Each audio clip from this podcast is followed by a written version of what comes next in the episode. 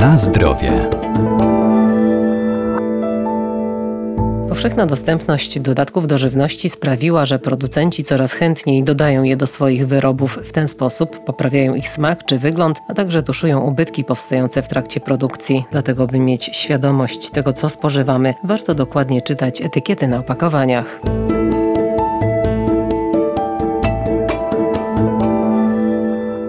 Składzie produktów żywnościowych na opakowaniu muszą być obowiązkowo wyszczególnione substancje chemiczne, które zostały wykorzystane w procesie technologicznym. Kryją się pod symbolami E, po co są dodawane i jaką pełnią rolę. Nie są to składniki żywności, są to raczej substancje, które powinny być dodawane w celu poprawy jakichś ubytków powstających w trakcie technologii, ogólnie wspomagające proces technologiczny.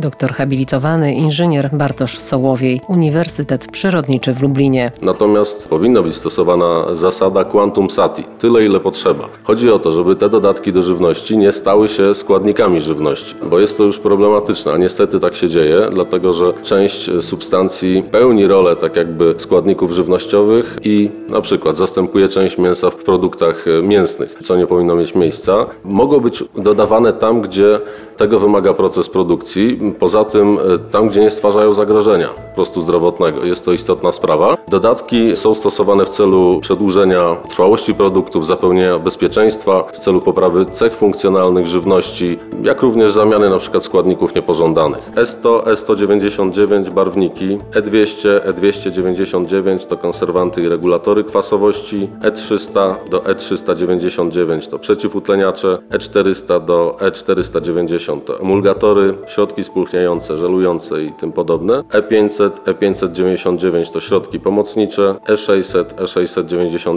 to wzmacniacze smaku, E900, E999 to środki słodzące, nabłyszczające, E1000 do E1999 to stabilizatory i zagęstniki.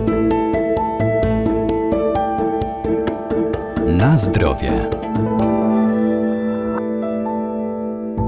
Których produktach nie powinny się znajdować dodatki do żywności? Na przykład jogurty naturalne, kefiry naturalne, maślanki naturalne, czyli te, które nie zawierają składników w postaci smaków, dodatków smakowych czy na przykład owoców. One będą pozbawione zupełnie wszystkich konserwantów, wszystkich dodatków do żywności E, dlatego że według prawa nie może być nic dodawane do jogurtu naturalnego, kefiru czy maślanki poza mlekiem, bakteriami kwasu mlekowego i na przykład mlekiem w proszku. Natomiast wszystkie jogurty z, z dodatkiem jakichś owoców czy jogurty smakowe będą charakteryzowały się dodatkiem na przykład karagenu, mączki chleba świętojańskiego, skrobi, żelatyny, czyli może być tam wszystko dodane. Więc jeżeli chcemy unikać E, prosta sprawa, wybieramy produkty naturalne bez dodatku składników smakowych czy owoców. Można sobie samemu dodać owoce i będzie też smaczny jogurt, jeżeli ktoś nie potrafi i nie lubi jogurtu typowo naturalnego. Dodatków do żywności nie stosujemy do żywności nieprzetworzonej,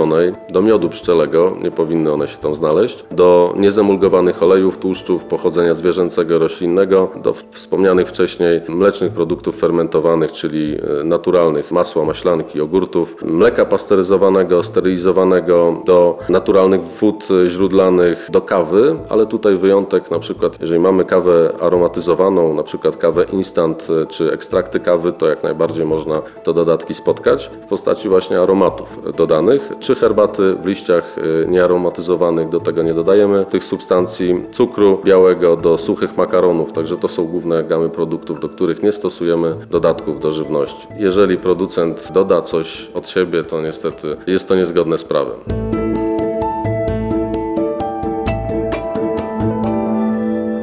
Przede wszystkim należy się wystrzegać sztucznych konserwantów, które znajdują się w grupie od E200 do E299, a najlepiej trzymać się zasady, że im mniej składników w danym produkcie, tym lepiej. Na zdrowie.